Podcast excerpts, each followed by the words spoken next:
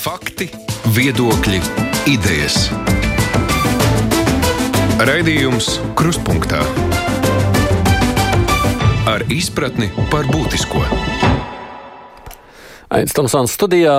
Mēs šodien runāsim par Baltkrieviju, par to, kāda ir tālākā perspektīva mūsu, un ne tikai mūsu, visas Eiropas Savienības attiecībām ar oficiālo Minsku. Situācija kļūst arvien draņķīgāka. Lukašenko režīma represijas uzņem apgriezienus. Pēc Rainera lidmašīnas nosēdināšanas Baltkrievija strauji arī nonāk rietumu izolācijā. Tuvāko pāris nedēļu laikā Eiropas Savienība vienosies par turpmākajām sankcijām, bet Lukašenko sola atmaksāt pirmkārt robežu nesargāšanu un migrantu sūtīšanu, bet ne tikai. Kādas ir Eiropas Savienības iespējas šajā situācijā īstenot nu, konsekventu, ietekmīgu politiku? Lielā mērā tā ir runa par visas Eiropas Savienības ārpolitiku. Eironet Plus, Milāno, Zagreba, Brisele, Sofija, Rīga. Eironet Plus, vadošā Eiropas ziņu radiostaciju apvienība. Saprast Eiropu labāk! Uzraidījumam šobrīd ir pieslēgsies ārlietu ministra padomniece Gunda Reira. Labdien jums! E, Labdien, Aidi! Labdien, visi klausītāji un skatītāji! Tāpat tās no ārpolitikas institūta pētniece Evīda Jatkoviča. Sveicināti, Evija! Sveiki, labdien! Jā, asociētais pētnieks Veikos Polīts. Sveiks, Veiko! Sveika, Aida, sveika, Latvija! Un arī kolēģis TVNet žurnālists Toms Strātfelders. Sveiks, Tom! Sveicināti, sveicināti! Runājot par to situāciju, kāda veidojas šobrīd starp Baltkrieviju un rietumu kaimiņiem, starp kuriem esam arī mēs. Veiko, kas tevi visvairāk satrauc tajā visā? Nu, tev vairs nav vairāk, ko vairāk satraukt. Mēs redzam, šis fašistiskais režīms nolaupa lidmašīnas pat mūsu paša Eiropas Savienības īpašums, un, un šajā gadījumā izolācija turpināsies. Vienīgais šie migranti, kas ir palaisti vaļā, var radīt īstermiņa satricinājumus, ja, tu, ja atbildes tavu jautājumu par to, kas man satrauc. Bet savādāk mēs šo Baltkrievijas lēnu anšlusu vai no Krievijas puses norīšanu novērojam jau vismaz pēdējos 28 gadus. Tā kā nekā pārsteidzoša te nav tie, kam seko Baltkrievijā notiekošajam. Nu, protams, mēs ar vien vairāk izolēsimies, aizslēgsimies, nekas nenotiks, tā dzīvos savu dzīvi, un mums jau kaimiņš, kurš ir aiz restēm apmēram tā. Gan jau diskusijā mēs noskaidrosim šīs detaļas, jo šeit tiešām vēlams slēpjas detaļās, bet nu, šobrīd Eiropas Savienība, protams, arī kopā ar ASV, kur viņi darbojās atšķirībā no bijušā ASV prezidenta, tad vismaz Eiropas Savienība un Amerikas Savienotās valsts darbojās kopīgi. Tad jau 3. jūnijā ASV papildus sankcijas ievies pret papildus uh, amatpersonām Baltkrievijā. Un šajā gadījumā neviens negrib, lai Baltkrievija kā ķirsis iekrīt līdzīgi Krimai, Krievijai klēpī. Tā kā par to jau notiks cīņa. Evija, skatoties no tava skatu punkta, lūk, kā tas izskatās. Jā, es domāju, ka situācija nav vienkārša eskalācija šādā līmenī, ka Baltkrievijas konflikts ir izkāpis ārā no konkrētas valsts teritorijas, bija grūti prognozējama. Bet tā pašā laikā gribas domāt, ka savā ziņā tas ir rezultāts tam, ka mēs konkrētai valstī vai iespējams pat austrumu partnerības teritorijai kā tādai neesam veltījuši pienācīgu uzmanību nu jau kopš 2009. gada, kad, kad šī iniciatīva Eiropas Savienības mērogā kopumā tika ieviesta. Un tagad tas, ko mēs mēģinam darīt, ir savā ziņā dzēst ugunsgrēku. Un, laikam tā ugunsgrēka dzēšana ir bijusi sava veida stratēģijas tāds elements, skatoties arī ilgtermiņā pamatā Eiropas Savienība liek par sevi manīt pēcvēlēšanu periodos un, un, un atbildot ar sankcijām uz, uz noteiktiem novērojumiem, tomēr šķiet, ka tā nav īsti, tā nav stratēģija. Tu domā, tāda... ka, tu domā, ka varēja mēģināt tomēr kaut kā tajos iepriekšējos gados to Lukašenko nomakšķerēt, nē, bet nu, kaut kā padarīt višķi vilinošāku uz rietumiem, un te viņš tur putina mazāk kaut kā tā? Jā, es neesmu pārliecināta, vai precīzi šāda stratēģija būtu strādājusi attiecībā uz pietiekami dziļu autoritāru režīmu vai ne. Bet tā pašā laikā, tajā brīdī, kad mēs spētu nodefinēt, kas tad ir šīs Eiropas Savienības un Austrumu kaimiņu valstu integrācijas mērķis, vai ne, vai mēs runājam par vienotu tirgu, kas paver daudz ekonomisku iespēju, vai mēs runājam pat varbūt par dalību organizācijā nevis tā kā eventuālu un teorētisku, kādreiz dziļā tālā nākotnē, bet nu, diezgan realistisku, tad tā vilkme varētu izrādījusies būt uh, labvēlīgāka pārmaiņām reģionā, un varbūt tik tālu mēs nebūtu nonākuši. Mm. Nu, tu esi labticīga. Es esmu skeptiskāks par Lukašenko patiesajiem nodomiem, bet nē, labi, labi, mums ir tāpēc doma dažādība, nav slikta lieta. Bet skatoties tīri arī no tāda perspektīva viedokļa, tom, kā tev šķiet, kur mēs esam nonākuši un kāda vispār tā perspektīva rādās pašlaik? Sāksim ar to, ka es uzreiz pasaku, ka es neesmu Baltkrievijas eksperts. Jā, kā tu vaid arī zini, ka man tas to austrumu. Jā, jā, jā, bet es, es varu sniegt savu viedokli kā cilvēks, kas ir vairāk nu, to, tos procesus varbūt vērojis kā žurnālists no malas un kurš vairāk varbūt arī ir nu, diskusijās, tā teikt, iesaistīs cilvēkus arī savā tajā raidījumā TVNet. Nu, man liekas, ka tas viss pagaidām izskatās protestētājiem nelabvēlīgi. Es piekrītu tam, ko ir daudz citi eksperti jau teikuši, ka izstāsta, ka pagaidām Lukašenko ir konsolidējis savas pozīcijas sabiedrībā, ir diezgan liels bailes pret viņu vērsties. Un man liekas, ka arī opozicionāri īsti pagaidām, nu tā teikt, vairs nevar uh, uh, koordinēties tik veiksmīgi, jo vienkārši tie līderi, kas potenciāli uh, varētu viņus kaut kādā veidā uh, apvienot cīņā pret Lukašenko, ir vai nu aizbraukuši, vai ir iesēdināti aiz restēm. Tā kā, nu, pagaidām man liekas, ka situācija nav uh, labvēlīga Baltkrievijā demokrātiski noskaņotiem spēkiem. Tas ir skaidrs, ka tā tā situācija ir. Lūkojieties uz visu to kopējo tādu attīstības vektoru.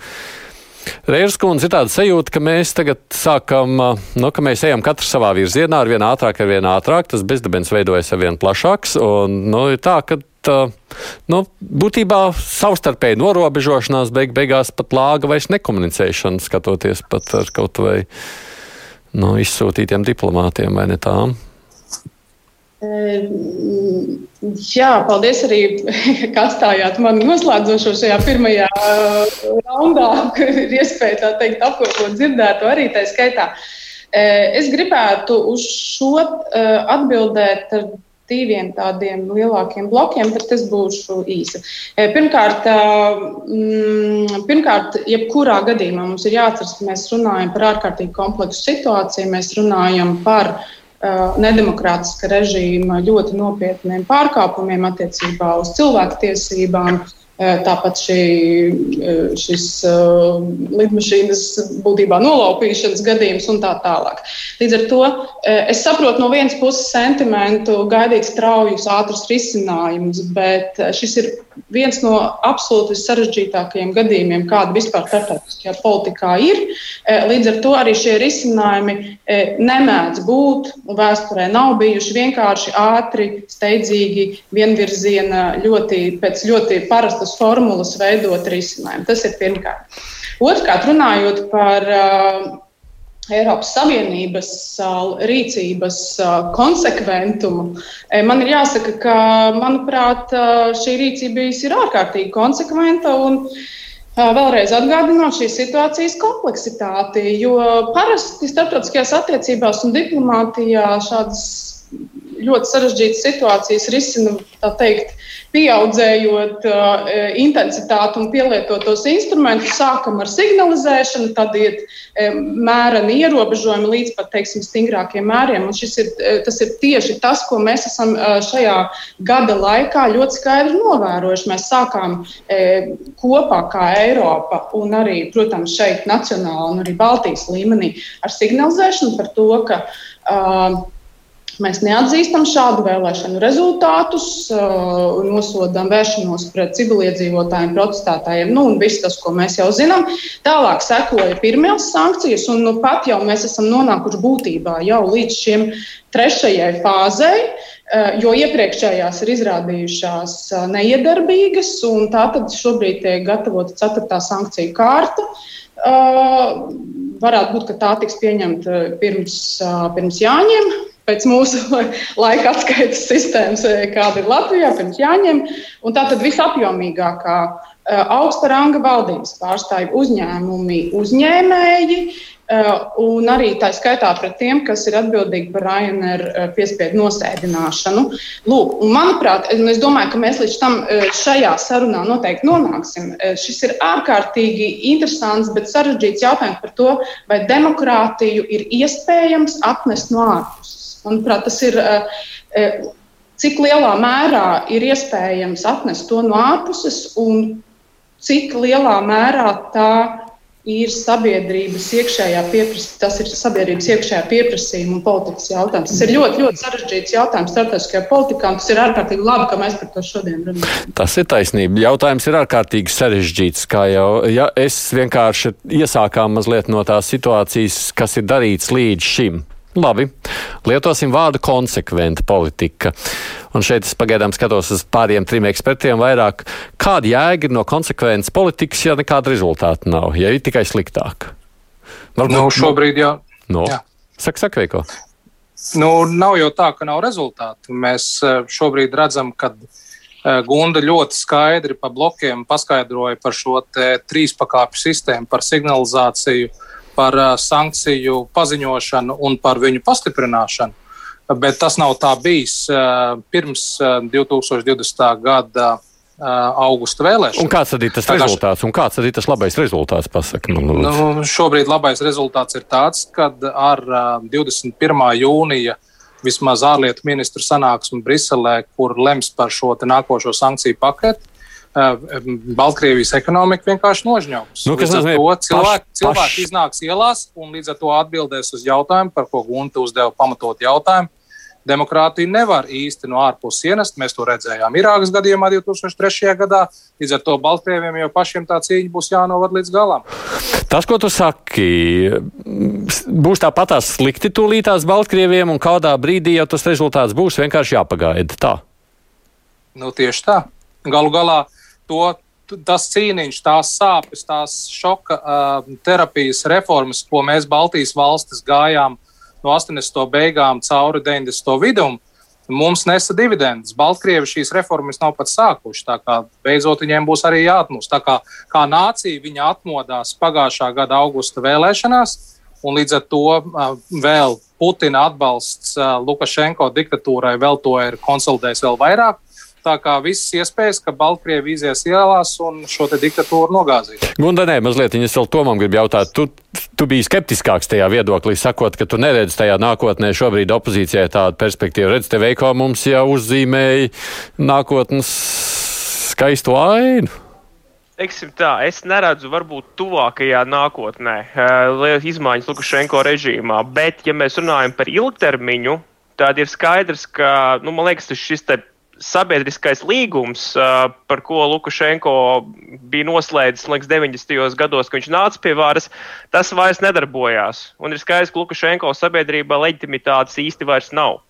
Un, jebkurā gadījumā viņam būs kaut kas jādomā, vai, nu, vai nu tiešām jāiz, jāizdomā kaut kas jauns pavisam, lai apmierinātu Baltkrievijas iedzīvotāju intereses, vai arī tiešām viņa nu, dienas ir skaitīts. Principā ir, ir divi varianti. Uh, tā kā man atbild ir, īstermiņā viņš paliek, bet ilgtermiņā par to vēl ir jautājums. Nu, vienmēr jautājums, kur ir ilgtermiņš, jebkurā ilgtermiņā kāds cilvēks nomirst, piedodiet par tādu jautājumu arī es. Un tas nozīmē, ka ilgtermiņā kaut kad jau viss beidzās dzīvē. Tad jautājums ir, ko mēs gribam sasniegt tajā visā gundā, jūs celāt roku.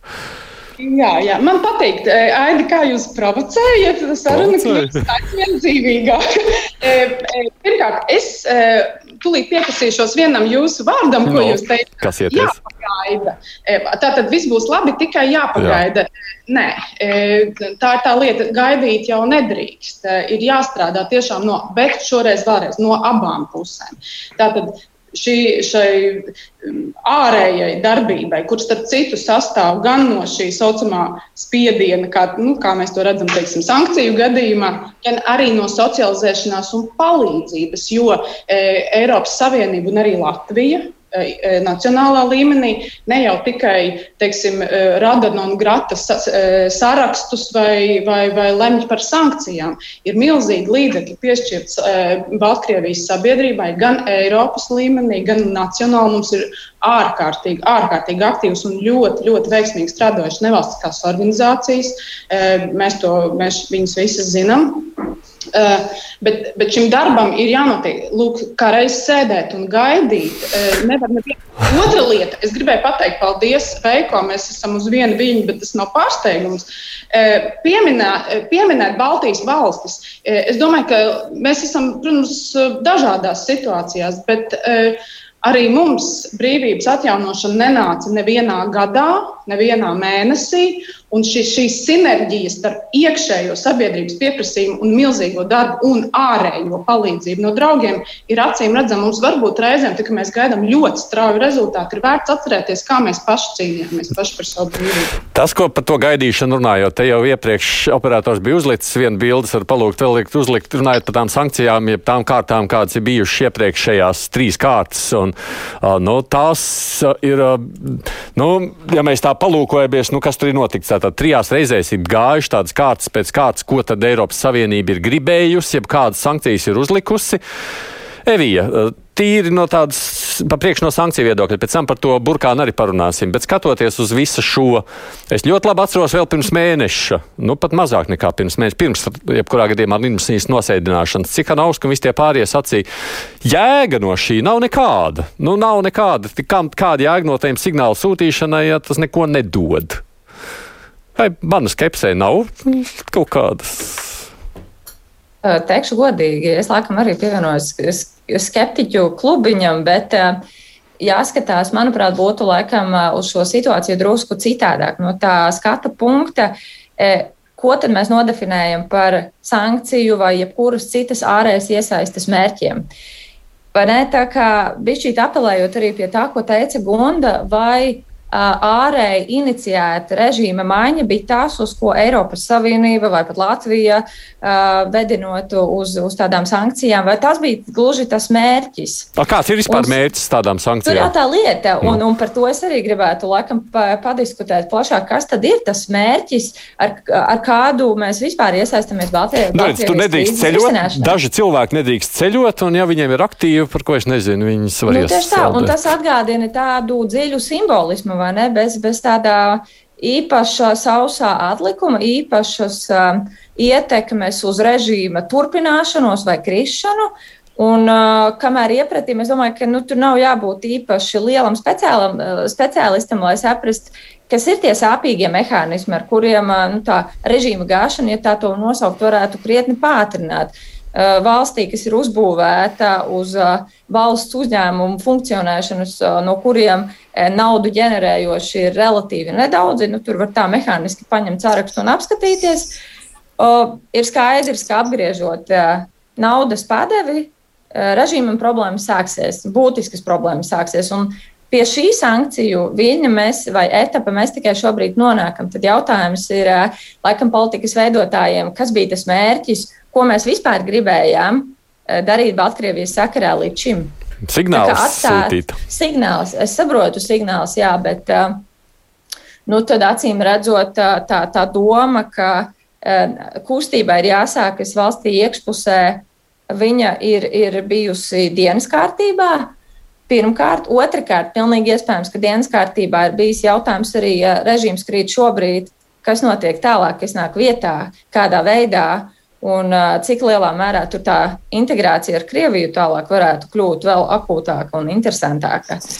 Un, un vēl dažas citas nianses. Tā ka tiešām par to mērķi varētu domāt, ko tad mēs vispār gribējām pateikt. Veiko. Ar pirmo, otro, trešo vilni.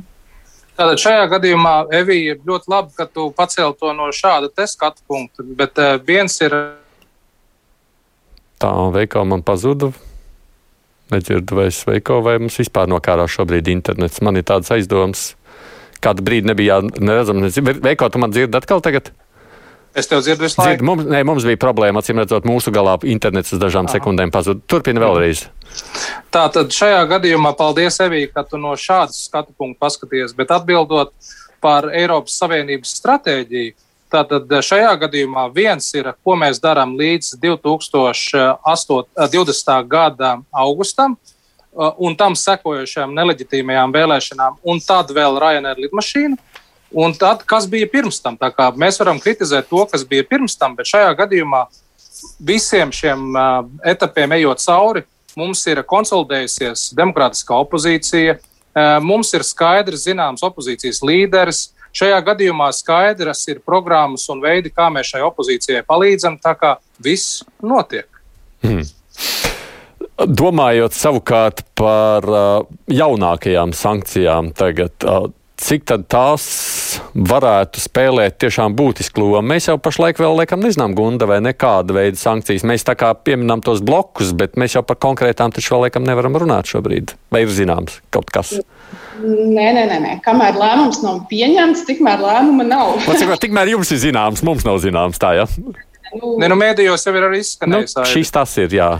Tas, ko mēs zinām, ir, ir virziens. Tātad, kā, kā jau es iepriekš minēju, tas būs tāds pakāpeniski šobrīd visapjomīgākais, visapjomīgākā sankcija, tā teiksim, pakete vai kārta. Uh, nu, teiksim, visstingrākā, kāda līdz šim ir bijusi. Bet vēlreiz, tātad lēmums tiek pieņemts tad, kad tas tiek pieņemts. Un, uh, un, uh, un tā nav taisnība, ka mēs šeit zinām, tikai nesakām.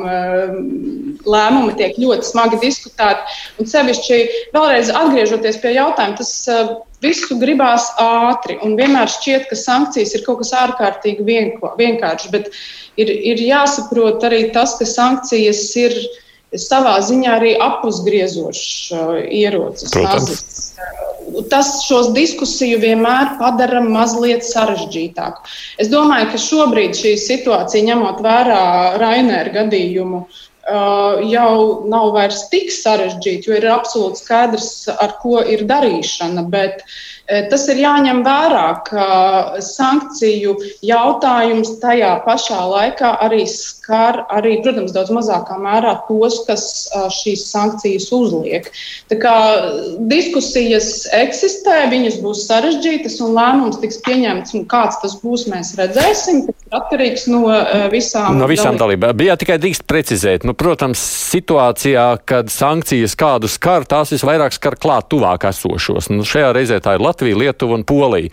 Bet izskatās, ka arī šīs trīs valstis savukārt ir tieši visasākās arī Baltkrievijas nu, kritizētājas un iestājās par asu reakciju, kas liek domāt, ka nu, tā saskaņošanai vajadzētu būt vienkāršākai, vai ne? Uh, tiešām es, nu, teiksim tā, nu, nav signālu, ka, ka šī ceturtā kārta būtu apdraudēta. Mm. Bet, bet vēlreiz spekulēt ar to, kā būs, tu, ja būtu, kā mēs zinām, vienīgais, kas ir politikā un starptautiskajā politikā, ir skaidrs, ir tas, ka pārmaiņas notiek nemitīgi un, un, un, un tās var notikt jebkurā brīdī. Tāpēc, nu, nu, vēlreiz ir plānots, ka līdz jāņem tas būs, kāds tas būs, redzēsim. Runa par 21. jūniju, cik es zinu šobrīd, bet skatoties savukārt uz, uz to sankciju iespaidu. Veiko saka, izies ļaudis ielās. Toms teica, nu nezinu, nezinu, kā tur viss būs. Man ir jautājums arī ar tādu pašu skepsi. Nav tā, ka mēs iedzeram, nu labi, mēs iedzeram to Baltkrieviju, kā saka, ar vien vairāk stūrī. Nu, kur tad liksies tas Lukašenko? Nu, Krievija viņu glābi. Vai tur ir kaut kāds, vai kāds rezultāts no tā varētu sanākt? Uh, nu, ne tikai sodot, kā saka, ne tikai paužot savu nostāju, bet patiešām ietekmējot šo režīmu Lielbritānijā, Baltkrievijā. Jā, jā, ļoti turpin. īsi. Tātad šajā gadījumā, ja mēs runājam par īstermiņa iespaidu, Protams, no šī sankciju režīma pret Baltkrieviju ieguvējs var būt arī Krievijas kompānijas, piemēram. Ja tiek uzlikts aizliegums Belarus kālī, kas piegādā 20% pasaules kālija tirgus piedāvājumu, protams, viens no tiem, kas grib kaut ko iegūt, ir Krievijas kompānija Eirokaļi. Līdzīgi ir ar naftas produktu eksportu, kur Maziras naftas pārstrādes rūpnīcu, kas ir minēta kā viena no, no šeit sarakstā esošajām, kas ietekmēs precīzi Lukašenko ģimeni un viņas pietuvinātos uzņēmējus. Tas, tas tā būtu īsa atbilde, un, tas, un, un līdz ar to tas var reāli radīt bunti uz kuģi. Bet ilgtermiņā Tātad šajā gadījumā arī nealosimies. Ehm, Krievijas sabiedriskā doma nav pilnīgā starā par eh, Baltkrievijas anšlusu, jo viņiem būs visi tās naudas rēķini jāsamaksā par Baltkrieviju. Tā kā Krievija pat ir uh, sankciju režīma upuris, un šajā, vai kāds no upuris pat viņi tās pelnījusi. Tā kā šajā gadījumā situācija ir visnotaļ saudabīga, un šeit spēle notiek vairākos līmeņos. Un tas, ka Cihanovskas kundze vakar Prāgas senātā paziņoja arī un aicināja Rietumvalstis Baltkrievijas jautājumu diskutēt gan Eiropas Savienības un ASV tikšanās reizē, gan NATO samitā, gan G7, parāda, ka likme ir augsta un tas tiks diskutēts. Evī, savukārt jautājums tieši tev. Tavuprāt, šī sankciju tāda dzīšana stūrī, kādus augļus varētu nest? Atbildēšu drusku citādāk. Um, sankciju augļi korelēs tiešā veidā ar uh, Krievijas atbalsta intensitāti un ilglaicību esošajam režīmam.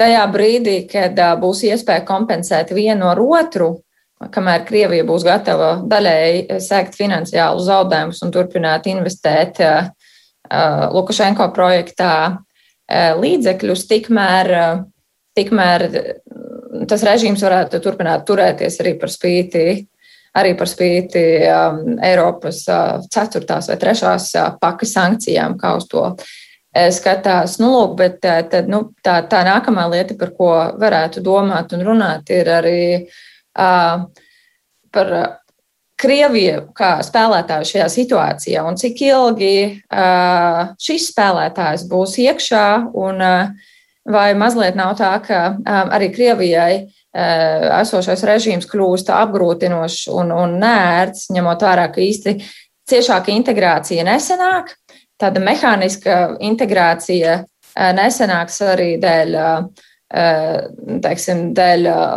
sabiedrības nevēlēšanās tik cieši integrēties ar Krieviju, Baltkrievijā.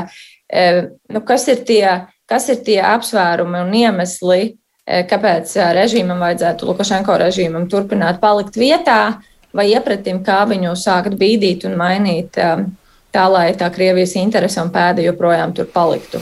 Tas, ko Evija saka, ko jūs pārējais mm, domājat, ir cerības, jeb iespējas, ka ar sankcijām pret Baltkrieviju mums būtu iespējas mainīt arī Krievijas. Ja, no šo, ja būtībā Krievija ir atslēgas visai tālākai notikuma attīstībai. Tā ka Krievija saka, mm, bācis priekš kā mums tas vajadzīgs, davājiem kā citādi. Labi, tas tā ļoti cilvēciski sakot. Nu, man īsa atbilde ir tāda, ka uh, caur Baltkrieviju mēs Krieviju gan neiespaidosim. Un, uh, mēs to redzēsim tūlīt pat jau nākošais trešdien Ženēvā būs tikšanās, un tad jau mēs ļoti uh, skaidri dzirdēsim, kas ir kas. Bet uh, nu, viens ir gan skaidrs, ka septembrī notiekošās tā saucamās izvēles, es negribu viņas nosaukt par vēlēšanām, kas notiks Krievijā, jo viņas tādas nav pēc būtības un pēc gara. Um, šajā gadījumā Krievijai ir vajadzīgs atkal kāds mazs uzvarošs karš. Šajā, šo, šodien viņi redz, ka Ukrainas gadījumā ir notikusi rietumu sabiedrības un elišu konsolidācija. Baltkrievijas gadījumā situācija ir labīga. Un mēs nevaram izslēgt um, anšlusu. To arī neviens no novērotājiem neizslēdz. Un šajā gadījumā viss ir Baltkrievijas tautas rokās tieši kā tas bija pagājušā gada augustā. Ja drīkst, es arī labprāt īsi atbildētu. Es uh, tiešām nevaru piekrist tam, ka Baltkrievijas atrisinājuma atslēga būtu Krievijā vai, vai nu, nezinu, Eiropas Savienībā. Vēlreiz, Baltkrievijas situācijas atrisinājums ir pašu Baltkrievu rokās. Tas, ir, tas, tas vienkārši tā ir. Mēs varam palīdzēt, mēs varam atbalstīt, bet tas ir viņu pašu rokās. Bet eh, mēs šo pusstundu esam būtībā veltījuši vienam elementam, un tās ir sankcijas.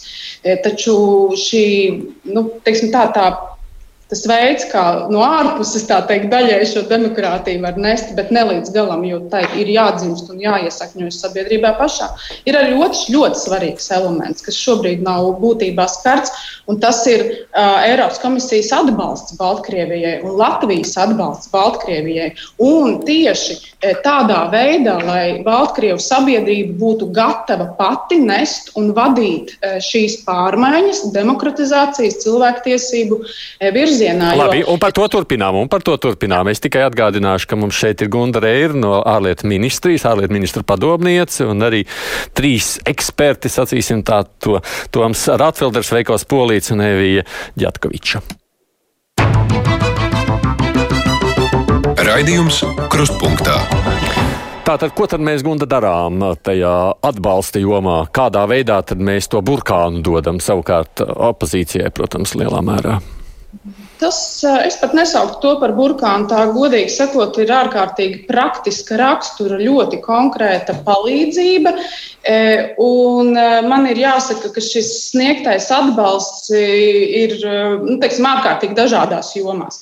Ja mēs runājam par pašu Eiropas, Eiropas komisijas līmeni, tad tur ir teiksim, tādas jomas kā pilsoniskās sabiedrības neatkarīgo mediju atbalsts, jaunatne izglītība, veselības sistēmas atbalsts. Un viena lieta, ko es gribētu vēl šeit īpaši akcentēt, ka uh, ir izveidota īpaša NVO platforma cilvēktiesību pārkāpumu Baltkrievijā dokumentēšanai. Tātad tiek vākti šie pierādījumi uh, ar mērķi E, e, kā nākotnē varētu tikt izveidots īpašs mehānisms pie ANO, cilvēktiesību padomas ietvaros, ja, protams, padomu vienosies, un cerams, ka tā notiks par šādu mehānismu izveidošanu, kur tālāk šo gadījumu var izmeklēt. Un tātad arī Latvija ir iesaistījusies šādas platformas izveidē ar savu finansiālu līdzdalību un atbalsta to. Tas ir viens. Bet, teiksim, Latvija, jo ņemsim vērā, ka arī Latvijas ārējā robeža ir gan NATO, gan Eiropas Savienības ārējā robeža, un gan jau pie robežām mēs arī raidījuma laikā nonāksim saistībā ar Lietuvu un, un bēgļiem, ne, cik es saprotu. Bet eh, tā mūsu palīdzība, ko, ko savukārt mēs šiem saviem absolūti tuvākajiem kaimiņiem eh, sniedzam, ir, eh, ir visdziļāk, nu, teiksim, tā dziļāk praktisks līmenis pat varētu teikt, ka nav iespējams, jo e, tiek sniegta juridiska palīdzība, pat psiholoģiska palīdzība. E, tas tiek tātad ar, ar dažādu nevalstisko organizāciju, teiksim, Latvijas platforma attīstības sadarbībai, Centrs Marta, lapas, visas šīs mums labi pazīstamās organizācijas dara milzīgu darbu. Mēdīju izcelības centrs ne tikai izglīto žurnālistus, bet sniedz psiholoģisku palīdzību, nu, protams, ar, ar speciālistu palīdzību. Ir arī, protams, protams, ka ir arī jārunā par to, ka pie mums Latvijā vēršas uh, itin liels patvērumu meklētāju skaits no Baltkrievijas, kur meklē patvērumu politiski vajāts personas. E, tas arī ir veids, kā, kā Latvija palīdz un, un kopā gandrīz gada laikā, būtībā mēs jau nerunājam pat par gadu, vai ne? Tas viss sākās augustā. Šobrīd jau ir izsniegtas kopā 228 D vīzas. Nu, tātad tās ir nacionāla līmeņa ilgtermiņa vīzas, ko mēs esam izsnieguši cilvēkiem, kas būtībā ir prasījuši patvērumu. Šis, šis, šī palīdzība ir gan praktiska teiksim, grūtībās, psiholoģiskās vai, vai, vai praktiskās, vai, vai, vai teiksim, patvērumu meklētāju grūtībās nonākuši cilvēku palīdzību. Bet, bet, bet vēlreiz tas, tas ir atbalsts arī pilsoniskajai sabiedrībai, ģimenēm, žurnālistiem ko tieši Latvija arī sniedz. Un tas mm, jā. ir viss jākombinē kopā. Te, protams, par to kvalitāti mēs varētu padiskutēt, jo mums ir bijuši arī raidījumā signāli ziņas par to, ka tiem Baltkrieviem, kas ir pārbēguši uz Latviju, nemaz tik viegli te neiet un tik labi neklājas, jo mums jau vispār tā nu, patvērumu meklētāja politika ir diezgan cilvēkiem ne tik viegli, lai viņi varētu šeit iedzīvoties. Bet runājot vispār par nu, kopumā par šo otro sadaļu, ko mēs tagad iesākām. Evija, jūs jau tā kritiski izteicāties par to, kas notika tajos gados desmit līdz šim. Nu, tagad skatoties savukārt uz to, ko mēs darām, tas ir labāk. Es domāju, ka vispār cilvēciski tas ir absolūti nepieciešams, tas ir vajadzīgs, bet tā pašā laikā šie te, uh, atbalsta pasākumi vai šī pozitīvā dienas kārtība, ja tā to var nosaukt, ka tie ir tādu plāksturu līmēšana vēzim, ja tā to var alegoriski aprakstīt. Un, ka joprojām drīzāk mums ir jādomā, kā, kā ar tiem cēloņiem tikt galā. Un, un mēs varam sakārtot savu patvērumu uzņemšanas politiku un kārtību attiecībā uz Baltkrievu iedzīvotājiem, bet tajā brīdī, robežas ir cietas, un viņi šobrīd jau kādu brīdi tur ir cieti, tad tu no turienes nevari tikt ārā. Mēs, protams, varam palīdzēt uh, mēdījiem, un mēs varam strādāt ar pilsonisko sabiedrību, bet nu, šobrīd šķiet apdraudētas Baltkrievijas teritorijā ir iedzīvotāju tādas pamatvajadzības, pamat, pamat tiesības un pamat brīvības, un, un līdz ar to drīzāk man šķiet ka tā spēka politika un spēka instrumenti šobrīd ir, ir ārkārtīgi nepieciešami. Protams, sintēzē ar, ar tādiem vispār cilvēciskiem, kā jau teicu, mehānismiem, kā, kā varbūt tos plāksterus salīmēt un kā tās rētas sadziedēt, bet, bet cīņa ar cēloņiem šķiet būtu svarīgāka. Jā. Jo, ja mēs runājam par šādu veidu atbalstu, savukārt tā, Lukašenko režīma pretiniekiem, es jau saprotu, to, tā, tās jau arī ir ierobežotas. Nu, tikpat mēs sakām, kā mēs varam ietekmēt uh, ar sankcijām, tikpat iero, iespējams, ka sankcijām varam vairāk ietekmēt nekā ar atbalstu, jo tur jau nu, tās iespējas ir tik, cik ir, vai ne? Nē, nu, vispār jautājums, vai mēs kaut ko tur baigi varam ietekmēt. Nu, sankcijas, man liekas, tādā ziņā ir, man, liek, man liekas, vislabākais, ko Eiropas Savienība var darīt. Nu, man tā šķiet. Uh, Bet, nu, tur, protams, ir jautājums, man liekas, mēs par to arī diskusijas sākumā minējām, vai diskusijas vidū, par to, ka sankcijas ir apus griezīgs mehānisms. Un tas savukārt izraisa arī Eiropas Savienības iekšēnē bie, ļoti bieži diskusijas, un tāpēc nereti arī ne, tas nav tikai Baltkrievijas gadījumā, arī citos gadījumos Eiropas Savienības sankciju politika iznāk tā diezgan bezobaina. Ka tā principā ne, netrāpa uh, tam, kam tā vajadzētu trāpīt. Jo vienkārši, lai panāktu konsensu, tev ir jāpiekāpjas eh, nu, tik nu, ir, maz, jā. lai, lai, eh, nu, lai, lai beig, beigās eh, nu, kaut, kaut kas, protams, ir kā notiek, bet nu, tas īsti, no tā īsti nav nekāds jēgas. Par tiem zobiem es arī mazliet runāšu, bet tieši par to iespēju atbalstīt vai palīdzēt veikot no tavu puses, tas ir nu, pietiekami, ko mēs varam un darām. Jā, šajā gadījumā tas drīzāk šie visi pasākumi ir vajadzīgi tieši, lai mēs paši savu saimniecību Latvijā šeit sakārtotu. Tas notika gan 2015. gadā Sīrijas bēgļu krīzes laikā, gan tagad.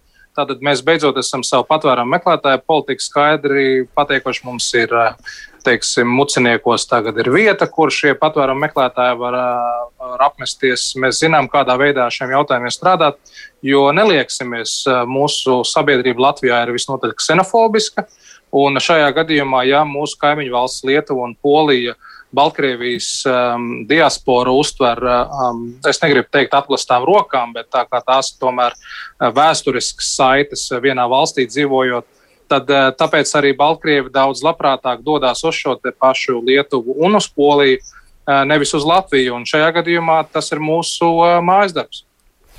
Mēs jau drīzāk esam, es nezinu, kā lai to nosauc, tādi vairāk paši par sevi domājoši. Tā man reizēm gribētos sev skatīties. Es nolasītu varu kaut vai pāris e, e, vēstules, un es domāju, tas arī tāda labi pārēj uz to trešo bloku, par ko man liekas, es gribēju tomēr šodien vēl runāt. Kā raksta mums Artis, tāpat viss bija skaidrs, ko par Baltkrieviju teiks mūsu politologi. Lai raidījumā nepaliktu bez algas. Absolūti bezjēdzīga diskusija. Varējāt uzaicināt ostu, tranzīta, ekonomikas speciālistus, un tad jūs redzēsiet to bēdīgo bildi, kas mūs gaida pēc pašu ieviestām sankcijām pret kaimiņiem. Un tad bilde būs daudz skaidrāka. Un ļoti līdzīgi mēs redzam arī dažās citās vēstulēs, saka, mums taču ir savas problēmas, nu ko jūs jaucaties iekšā tur blakus kaimiņu valstu problēmās.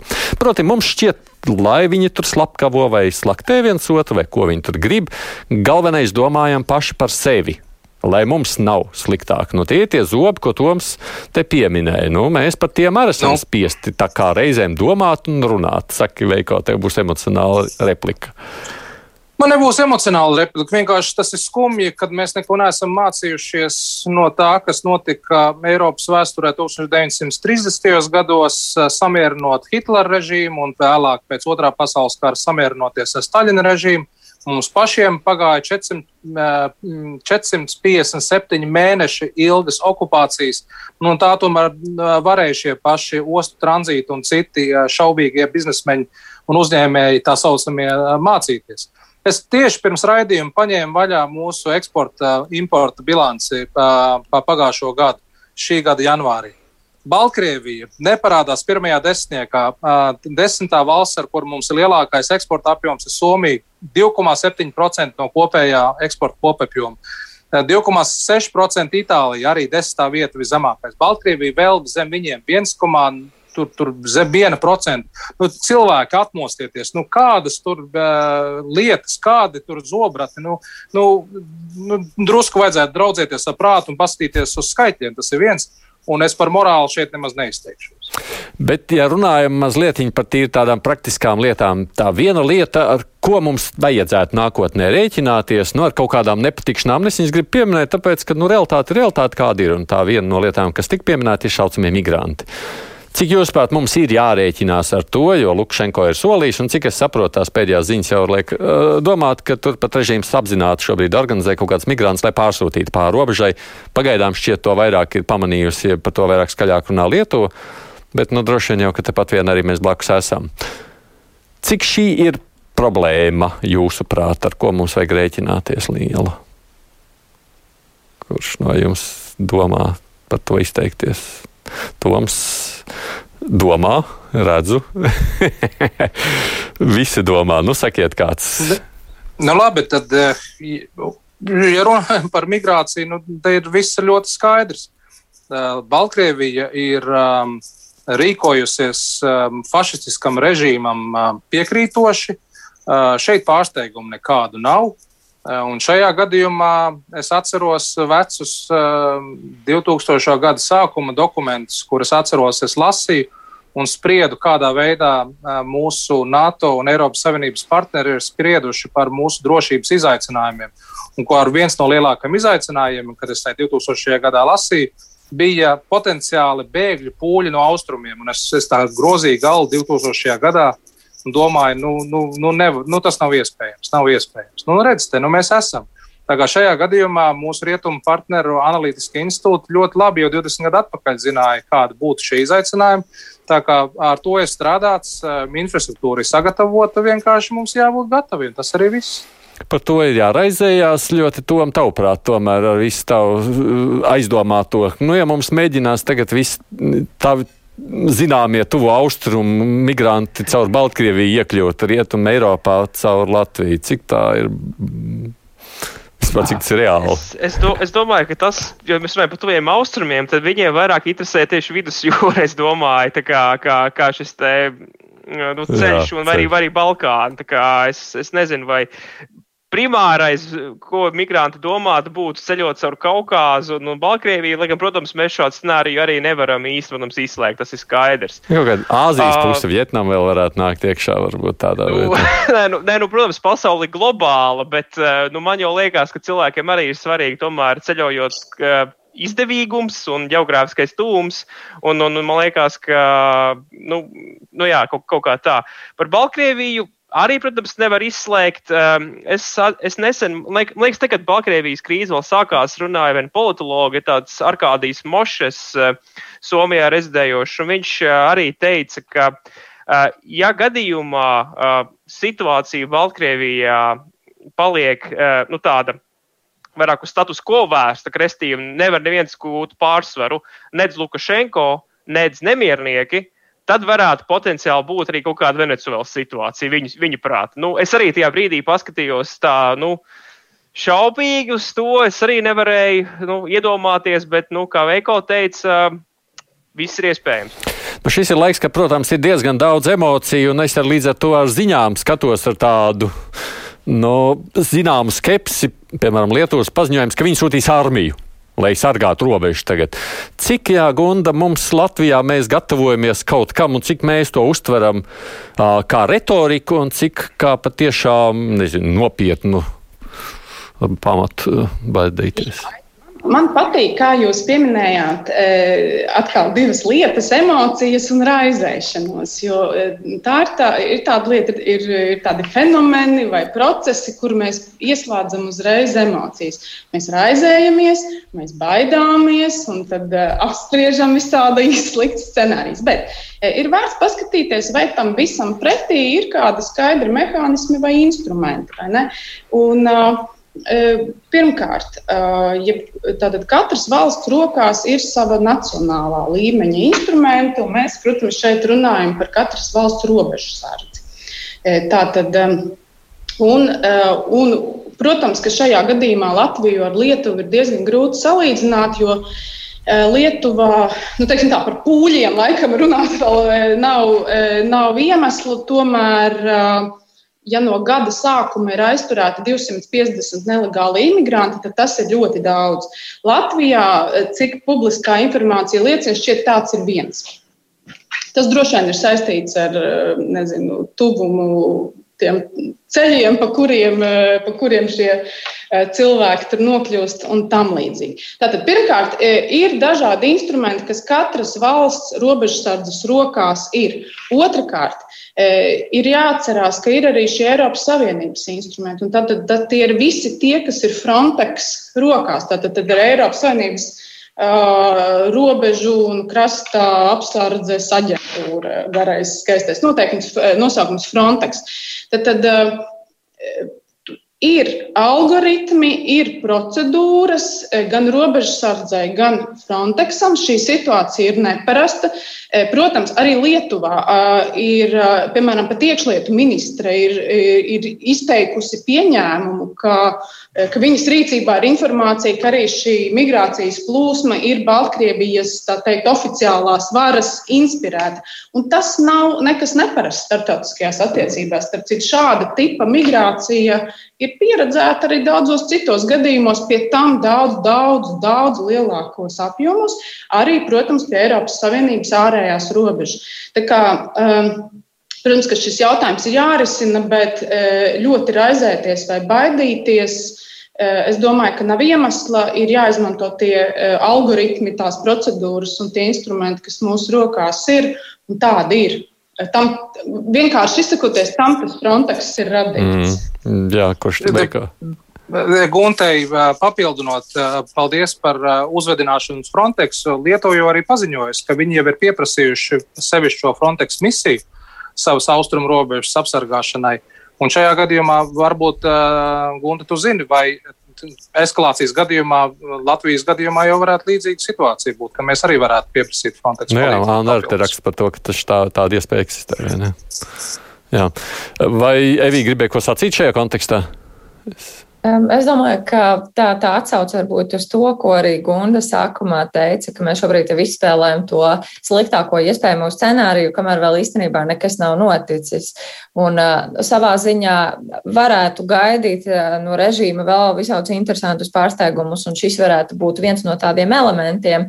Šobrīd Lukašenko jau ir pateicis, ka vai meklē savu uh, sabiedrotos, kā atbildēt uz jau esošajām uh, sankcijām vai šiem te E, mehānismiem un vēl uz tiem, kas tikai nāk. Nu, tātad ar kaut ko viņš plāno, kaut kā viņš plāno reaģēt, vai ne? Un tad e, nu, tāda e, kaitniecība nav izslēgta no, no režīma puses, bet nu, tiešām veselā saprāta robežās arī runājot, atsaucoties uz to, ko Toms runā, vai tas ir centrālais ceļš, pa kuru migranti no tuvajiem austrumiem dodas Eiropas virzienā tomēr tā, tā, tā loģika saka, ka varbūt īsti īsti nē. Un, un tur ir mm. vienkāršāki mehānismi. Tā ka varbūt neskriesim visam pa priekšu un vēl nesauksim Frontexu, kamēr īsti eh, tur nav kaut to vienu nabaga cilvēku, kas mēģināja tikt pāri.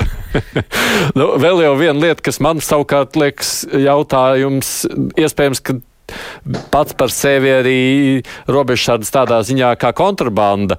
Jo, ja jau sankcijas, ja jau arī es pieļauju, līdz šim jau ir runāts, pieņemsim, ka Baltkrievijai tūs stāvošs, režīmam tūs stāvošs cilvēki, pieņemsim, bija ļoti interesēti tajā pašā cigarešu kontrabandā uz Eiropu, vai ne? Un šis ir viens no veidiem, kur jau arī patiesībā atbalsts no režīma bija. Iespējams, ka arī šis ir vēl viens jautājums, kam, kur mēs varētu gaidīt kādu es nezinu, no tādu paspildinājumu, vai ārlietu ministrijā ir kaut kāds tāds prognozēto risku izvērtējums?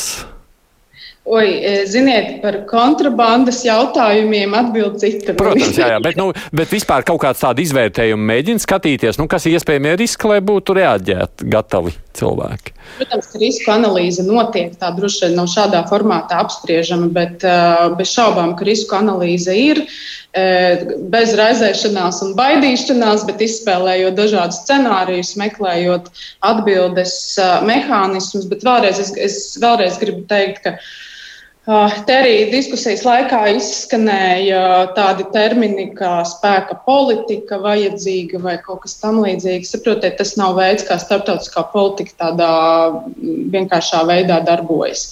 Eh, jo var, var, ir viegli kritizēt eh, atbildes eh, mehānismus tādā vai citā veidā, bet uh, tās ideālās formulas, ar kuru atrisināt šāda tipa situācijas, tāda neeksistē. Jā, ir jāmeklē no jauna. Man ir viena minūte, un tas arī ir Gundai jautājums. Mums ir kaut kāda mm, nu, nojausma, kurā brīdī varētu normalizēties diplomātiskās attiecības ar Baltkrieviju, vai kaut kāda signāla šobrīd Nevar, man ļoti nepatīk noslēgt raidījumus tādas nepozitīvas nots, bet es, es nevaru jums apstiprināt, vai, ka mums būtu teiksim, kaut kāda šāda iespēja prognozēt, kad, kad arī diplomātiskā līmenī varētu būtisks izmaiņas. Parādīties. Nu, lai nebūtu, kā jūs sakāt, tikai uz negatīvas nots, tad es noslēgšu arī ar vienu vēstulīti, un tā arī nav vienīgā. Varbūt Ingrīda viena no pēdējām uzrakstīja šādi.